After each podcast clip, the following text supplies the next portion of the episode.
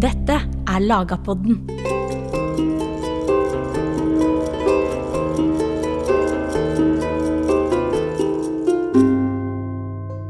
Det har blitt hevda at Tønsberg, eller Tunsberg, er Norges eldste by, og ifølge Snorre Storlason ble byen grunnlagt allerede før 871. Under enhver omstendighet så vokste byen fram i et område med stor rikdom, og det var et knutepunkt for handel med kontinentet. På Slottsfjellet over byen var det fra midten av 1100-tallet et festningsanlegg.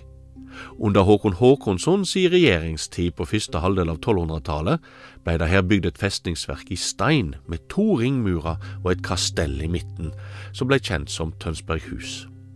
Her residerte norske konger fra midten av 1200-tallet, og byen var kongelig residensby på hele 1300-tallet. Med oss til å fortelle om Tønsberg sin historie i mellomalderen har vi professor Bjørn Bandelien ved Universitetet i Sørøst-Norge.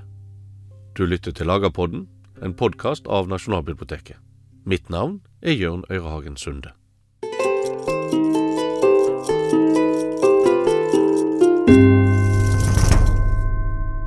Velkommen, Bjørn. Tusen takk. Og la oss begynne med, med begynnelsen. Er Tønsberg virkelig Norges eldste by? Ja, hvor er beviset for det? Det ligger jo i Snorre. Snorre sier at Harald Hårfagre var i Tønsberg før slaget ved eh, Hafrsfjord. Um, men vi vil jo gjerne ha et bevis til, altså gjerne en uh, arkeologisk uh, utgravning, noe funn som antyder at det er en bystruktur på en eller annen måte. Og det har man ikke fra vikingtiden.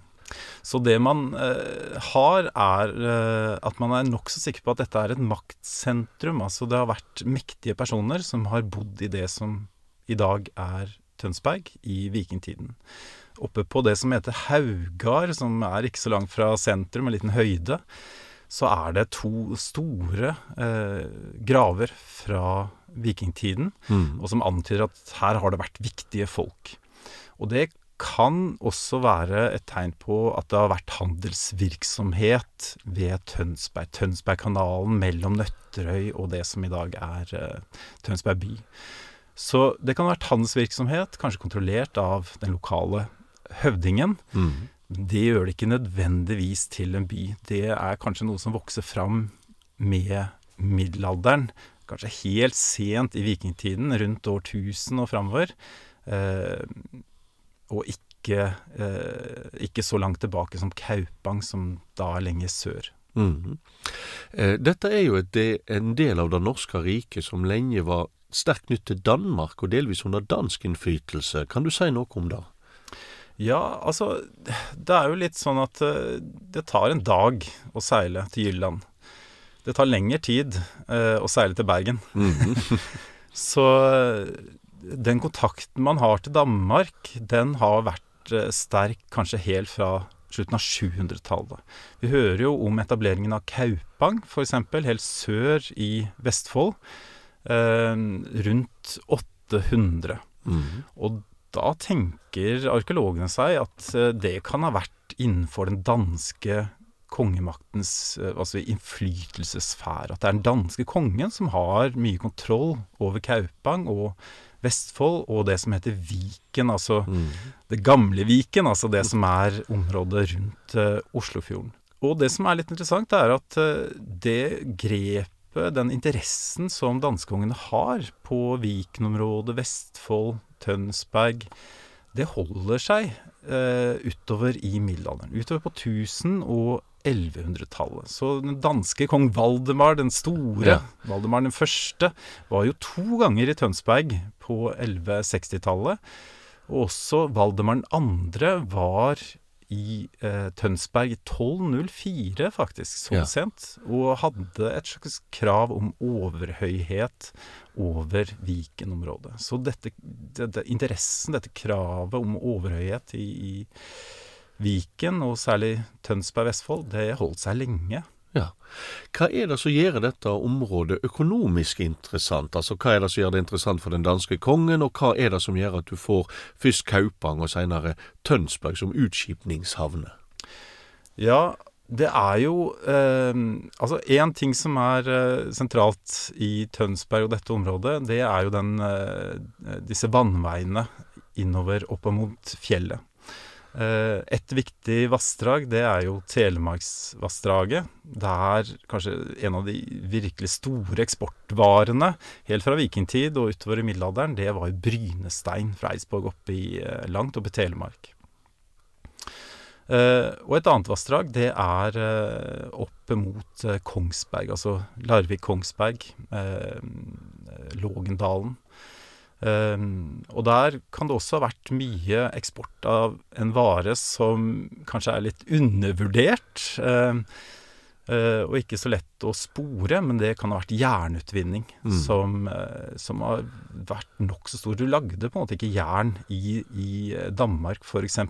Du måtte importere det i Danmark fra f.eks. Eh, Kaupang i vikingtiden og Tønsberg da i, uh, i middelalderen. Så det kan ha vært mm. noen av de store eksportvarene som, som har vært med å, å grunnlegge Tønsberg. Mm. Og så har du et militært eh, eh, hensyn også. Dette med å Dette er nært til Danmark. Eh, under det som vi kaller for borgerkrigstiden på 1100-tallet. Ja, ja. Er Birkebeiner og bagler, blant annet. Som kjemper mot hverandre. Altså Når den ene parten er i Oslo, så kan den andre parten være i Tønsberg, f.eks. Og bytte på. Så, sånn sett så har du en viktig militær funksjon. Og så har du noe som er veldig spesielt. Det er dette Slottsfjellet, som jo mm. Tønsberg er berømt for. Som jo er en sånn klippe som er veldig vanskelig. Det er en sånn naturlig befestning i seg selv. Ja. Uh, som ifølge sagaene egentlig aldri ble erobret. Altså selv om man beleiret det, så klarte man ja. ikke å militært erobre det. Det var først når kanonene kom på 1500-tallet at uh, at Tønsberghus ble tatt. Så det, så det, er også en sånn funksjon som kan ha gjort at det vokser fram et, mm. et mm. sentrum, eh, en bydans akkurat der. Mm. Men kan vi egentlig knyte det til en spesifikk konge, eller er det mer en organisk utvikling som skjer i krysningspunktet mellom dansk og norsk innflytelse, uten at vi kan knyte byens etablering til én spesifikk person? Ja, nei, Snorre nevner jo Tønsberg som, ikke sant, altså fra vikingtiden, så han har jo ikke en grunnlegger sånn som han har med Oslo og, og Bergen eh, og Trondheim, for så, for så vidt. Um, så uh, det som kanskje kan ha vært uh, Altså en tredje faktor til, til det militære og dette med handel, det kan ha vært kirken. Ja. Uh, og at disse middelalderbyene som vokser fram rundt år 1000, uh, så er jo dette med kirkebygging, dette med etablering av mm. geistlige, altså kirkens menn som skal betjene disse kirkene, gjør jo at det også dannes en etterspørsel etter varer fra utlandet. Altså litt sånn eksklusive tekstiler, utstyr til, til, kirkene. Altså du må ha et eh, byggelag for å bygge disse kirkene, som gjør at det, det blir en ganske stor um, gruppe som trenger forsyninger, trenger mat og, og andre varer. Uh, som også liksom forsterker denne bydannende mm. tendensen. Mm. Mm. Og hvor er det byen plasserer seg? Hvis vi tar utgangspunkt i Slottsfjellet, som alle som har vært i Tønsberg kjenner, hvor er det byen plasserer seg? Ja, altså til forskjell fra f.eks. For Trondheim, der du har liksom Sverresborg, som er kanskje litt utenfor byen, så danner eh, Vokser denne byen fram eh, litt hva skal vi si, rett under Slottsfjellet. Mm. Mm. Du har eh, Det er kanskje mange som har vært i Tønsberg, men altså du har Slottsfjellet litt i nordvest for byen. Og så er det da mot sørøst, langs eh, kanalen, altså denne ganske smale kanalen over til, til Nøtterøy på sørsida, så går da byen sørøstover. Eh, og så eh, Den har ikke vært veldig stor, kanskje en 400-500 meter, kanskje, eh, mot sørøst. Og så ender den da i et eh, kloster, eh, premonstratenserklosteret, det som eh, vi kjenner som Olavskirken i sørøst, der biblioteket ligger i dag, for de som er eh, lokalkjente. Ja. Det ville vært eh, den sørøstre grensen. Så det er liksom mellom Slottsfjellet og dette premonstratenserklosteret Olavskirken. Det er utstrekningen eh, ja. av byen. Og det som dominerer, blir jo da Slottsfjellet. Mm. Men eh, hvordan setter kirka sitt preg på bybildet? Ja, altså det var nok neppe mer enn 1000, kanskje opp mot 1200 innbyggere i, i Tønsberg under middelalderen. Men til å være en såpass beskjeden eh, Ja. by, så er det mange kirker. Eh, den eldste kirken som vi kjenner til, det er Peterskirken, som ligger litt nordvest for torget. Eh, litt nærmere eh, Slottsfjellet. Eh, s- der man har en kirkegård der eh, levninger er datert til midten av 1000-tallet. Mm. Og det ble jo da etter hvert i middelalderen en, eh, en av sognekirkene. Men så har du bare ja, 70-80 meter østover, ved selve torget, så har du Mariakirken, som er fra slutten av 1000-tallet, kanskje rundt år 1000. Eh, og så har du på den andre siden, hvis du går 100 meter lenger vestover, så har du en, kanskje den mest ambisiøse, største kirken, nemlig Lavranskirken. Mm. Eh, som også er liksom slutten av 1000-tallet, rundt 1100, tenker man seg. Ja. Eh, og der prosten satt, altså lederen for på en måte, alle prestene i Tønsberg, Mm. og prosten i Larangskirken ville også ha en eh, nær kontakt med domkapittelet, altså biskopen eh, i Oslo, der eh, biskopen satt. Så det er ikke en biskopsby sånn formelt, men det har nære forbindelser til bispesetet i Oslo. Og du har også en bispegård på Nøtterøy-sida. Og så får du kanskje ikke så mange klostre i Nei, denne byen, men nei. du har eh, et kloster premonstratensekloster med Olavskirken, denne rundkirken som er nokså spesiell, på slutten av 1100-tallet. Er det det første klosteret i byen? Ja, du har ikke Ja. disse benediktinerklostrene som du har f.eks. i Bergen med Mm. munkeliv. Ja. For, eh, også på Gimsøy et nonnekloster for benediktinerne. Det er liksom den eldste klosterorden. Noe sånt har du ikke i Tønsberg, og det, det er litt merkelig. Ehm, så denne premonstratenseklosteret det er jo geistlige Ja. som lever etter en munkeregel. Ja, ikke sant? ja. Altså i askese og, har felles bønn og felles måltider og lever som et uh, munkefellesskap, men er geistlig utdannede. Så de er lærde. Så det er litt av det spesielle med premonstratenserne. Uh, og så får du ett kloster til på ja, rundt 1240-1250 med fransiskanerne. Tiggerordenen, som jo er veldig retta mot byene. Du får jo Mm. det også i andre norske middelalderbyer ute på 1200-tallet. Og det har vært en, et viktig Altså begge de har vært viktige klostre. Ja. Uh, og så har du til slutt to litt sånn geistlige institusjoner, altså hospitaler. To det, hospitaler. Et, Det er mye for en liten by, egentlig. Ja, altså du har ganske stor andel av befolkningen, hvis man regner med 1200 røftlig da, innbyggere totalt eh, i byen, så er ganske stor prosent av det geistlige, eh, kirkens menn, eh, de Ja, som ja. er i klosteret. Hvem var hospitalet via til? Er det sant Stefan, eller? Stemmer.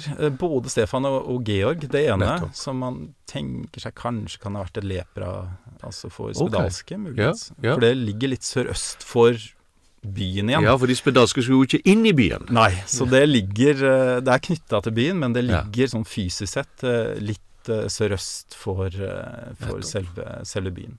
Og så har du et hva skal si Det som framstår som en litt mer vanlig hospital, rett Mm. ved Lavranskirken, Nettopp. som må ha eksistert på i hvert fall slutten av 1200-tallet, så nevnes det. Så du kan si at òg de kirkelige institusjonene vokser litt fram i denne perioden hvor det fremdeles er dansk innflytelse på, på området. Ja, absolutt. Og mitt inntrykk er jo at eh, dette første klosteret, altså premonstratenserne, de er jo den eneste virkelig sånn store eh, klosteret som er knytta til denne ordenen. Du har en datterkloster i Dragsmark i Bohuslän, som var norsk på den tiden Akkurat. Noen år, eh, år senere, men det blir aldri en populær orden. Men det er jo flere eksempler på det i Danmark. At Mm. det etableres eh, flere klostre av den ordenen eh, i Danmark på slutten av 1100-tallet, rundt 1200. Og det kan også så, så, så at det ble etablert et sånt i, eh, i Tønsberg, kan nok være Mm. innflytelse fra Danmark. Men utenom klosteret i Tønsberg hadde vi òg et lærdomsmiljø som var knytt til Tønsberghus, dette mektige festningsverket. Og da skal vi få høre mer om om litt.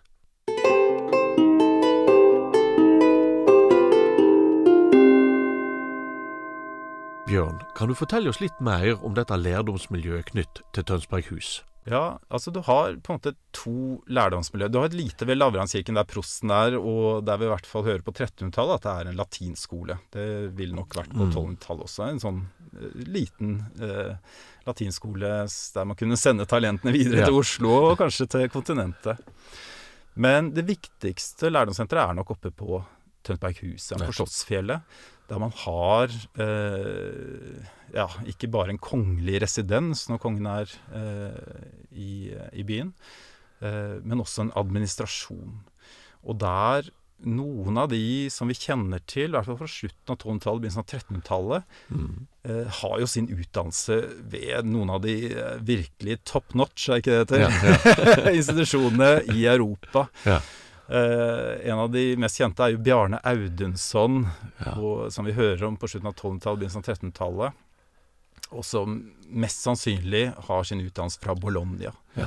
Og det, det, sier sitt. I testamentet sitt så har han flere av disse uh, uh, lovsamlingene som han kjente til ellers i Europa, ja. som han hadde med, og som han eh, gir videre da, eh, når han skal dø, eh, til geistlige f.eks. i Oslo. Ja.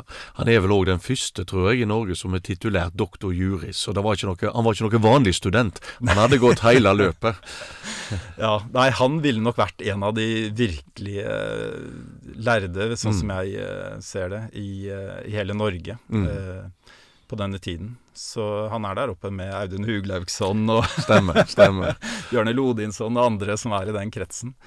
Um, og så har du også en lagmann på begynnelsen av 1300-tallet uh, som heter Guttorm Kolbjørnson. Og lagmenn de er jo overalt, holdt jeg på å si, mm, i mm. Norge. Men Uh, han uh, Vi vet ikke så mye om utdannelsen hans, men han er trolig den som i hvert fall fikk, uh, fikk skrevet det vi kaller for Codex Tønsbergensis, mm. som jo er mm. Tønsbergs egen lovsamling. Mm. flott manuskript, ikke så altså, iøynefallende og med illustrasjoner, sånn som dette Bergens altså Codex Heidebergensis, ja. som er til utstilling her i, i Nasjonalbiblioteket. Men som jo er lagmanns eget, eh, egen bok. Altså mm. Det er på en måte brukseksemplaret som eh, skrives første gang da begynnelsen av 1300-tallet, og der lagmenn i generasjoner helt fram til 1500-tallet mm. Skrev ned tillegg og nyttige tekster og litt margnotiser. Altså dette var en bok i bruk. Ja. Og Guttorm Kolbjørnson er jo en av de som også er i Bergen, f.eks. Er inne i saker tvister om jord, f.eks., mm. som berører liksom virkelig eliten i, mm. uh, i samfunnet. Kretsen rundt uh, Riksrådet. Så, og du har muligens det samme som har skrevet uh, Codex Tupagensis, i hvert fall Gustav Storm, en uh, forsker ja. på slutten av 1800-tallet, mente det at uh, du finner den samme håndskriften, den samme skriveren, som skrev en, en av riddersagaene, Flores saga og Blanke Flør, en av disse mm. høviske franske romanene. Ja. Du har et blad i Riksarkivet etter det som kan ha vært skrevet på samme tid, kanskje på Tønsberg, eh, Tønsberghus, ja. eh, og som antyder at du har en lærkrets, de har eh, ambisjoner, mm. de ser mot eh, eh, Europa, og de skal nok være litt bedre enn de som bor mm. nede i de trange gatene i Tønsberg. Ja, det er klart, eh, Guttorm Kolbjørnsen er jo en av de aller fremste på, på det tidspunktet, i lag med Hauke Erlendsson. Eh, og de er jo interessante personer. Hauk er jo òg historiker, mm. men han skriver jo òg om matematikk, og han skriver om indiske tall. Han er klar over at da vi regner som arabiske tall, ikke er arabiske, men opprinnelig indiske, f.eks. Og av og til så tenker jeg at da sitter folk på Slottsfjellet eller i Kongsgarden i Bergen og hatt et vidsyn. De har visst om India, de har visst om lærdomskulturen til araberne, og de har selvsagt kjent den, den europeiske eh, tradisjonen. Så dette er ikke folk som på en måte stuer vekk i et hjørne av Europa. Nei, altså eh, ting som man er veldig stolt av i Tønsberg i dag, det er jo Kristina av ja. Tunsberg. Ja, ja. Som eh, datteren til Håkon Håkonsson, han som bygde opp Tunsberghus i stein. Eh, som ble giftet bort da med broren til Alfons den 10. av Castilla. Altså en av de Mm. virkelig store fyrstene ute i Europa. Og eh, Sturla Thorsson i sin saga med Håkon Ogsson har jo lang passasje Mm. om eh, Det er nesten 100 personer fra Norge som, som reiser ned dit, og hvordan de blir tatt flott imot osv. Altså, Mm. du, du, du får liksom eh, Hun blir på en måte et symbol på dette med innpasset i både høviske og ja, altså de lærdomsmiljøene ute i Europa. Mm. Og en av de som reiser med Kristina, er jo biskopen av Hamar, Mm. Peter.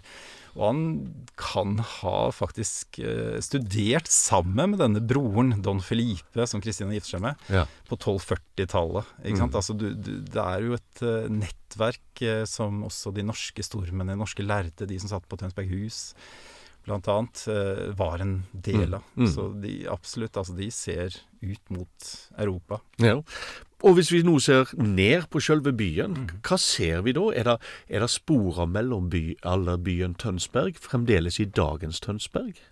Det er jo kanskje det som eh, mange blir litt skuffa over når de drar til Tønsberg. Altså Oppe på Slottsfjellet og nede i byen så Mm. er det eh, Det er ingen rester etter alle Mm. disse kirkene, klostrene. Tønsberghus er så vidt synlig oppe på, på fjellet. Men det man har som er fysiske spor, det Mm. er gateløpene. Mm.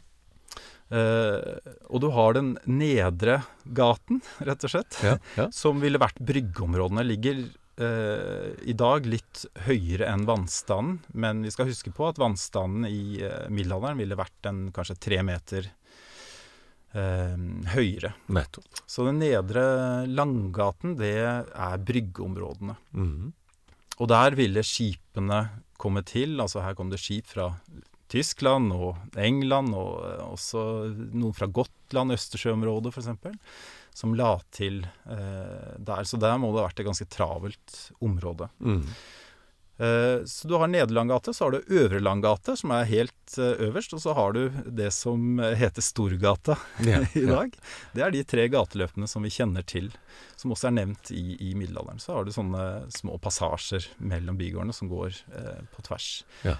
Eh, og torget ligger jo i midten av dette her, og torget Altså, by, vi har navnet på mange av disse bygårdene som ligger i området rundt, eh, rundt torget.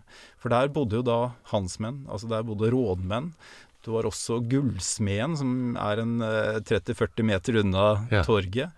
Eh, på nordvestsida så har man slakter eh, trolig, altså de som garvet, Ja. eksempel. Man har flere beinrester etter eh, Eh, den type virksomhet i, i det området. Så det er en ganske sånn kompakt by, eh, med liksom torget som et slags hjerte i, i eh, byen, samlingspunkt. Og det er bygårdene rundt der som mange av disse ja, vitnebrevene, f.eks. Altså der lagmannen eh, stiger ned fra Ja, ja. Tusberghus, så å si, og tar del i byens liv. Altså mindre konflikter, tvister, altså hvem eier jorda her, hva skal vi gjøre med denne arven? Det er flere Mm. krav som eh, settes inn. Og, eh, så, så det er mange forbindelsespunkter Ja. mellom eh, bygårdene, de som levde rundt eh, dette torget nede i byen, og eh, altså i den kongelige administrasjonen, Ja. lagmannen. Og etter hvert så skal det jo òg komme utenlandske kjøpmenn som slår seg ned. Nå er det jo Bergen som er den store Hansa-byen, men, Ja. men Tønsberg har òg sin Hansa-forbindelse. Ja, absolutt. Og det er eh, ja, selvfølgelig ikke på størrelse med Bergen, Nei? men det dukker opp sånn på 1200-tallet, så hører vi om flere og flere utlendinger. Forskjellen fra Bergen er at eh,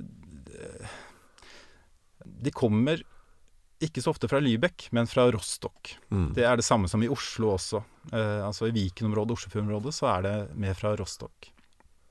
Og så er det en annen forskjell også, og det er jo at eh, de slår seg oftere ned og gifter seg med lokale damer, for eksempel. Ja. Eh, du har også en fra Brygge, eh, eller rett eh, Ikke langt fra Brygge, i hvert fall. Henrik van Dam, som får seg en bygård, gifter seg, får barn, eh, noen av de flytter til Oslo etter hvert. Men de danner jo en slags slekt, slektslinje ja. som blir eh, ganske betydelig både i Tønsberg og, og kanskje aller mest i Oslo, utover i senmiddelalderen. Så disse dukker opp som rådmenn, blant annet, altså blir en del av establishment, mm. altså det, det etablerte litt sånn byeliten ja. i samfunnet på, på, en annen måte enn i Bergen. Men da har vi på en måte kommet til òg mellomalderens slutt, så tusen takk Bjørn Bandelien for at du kom til oss og fortalte om Tønsbergs mellomalderhistorie. Tusen takk.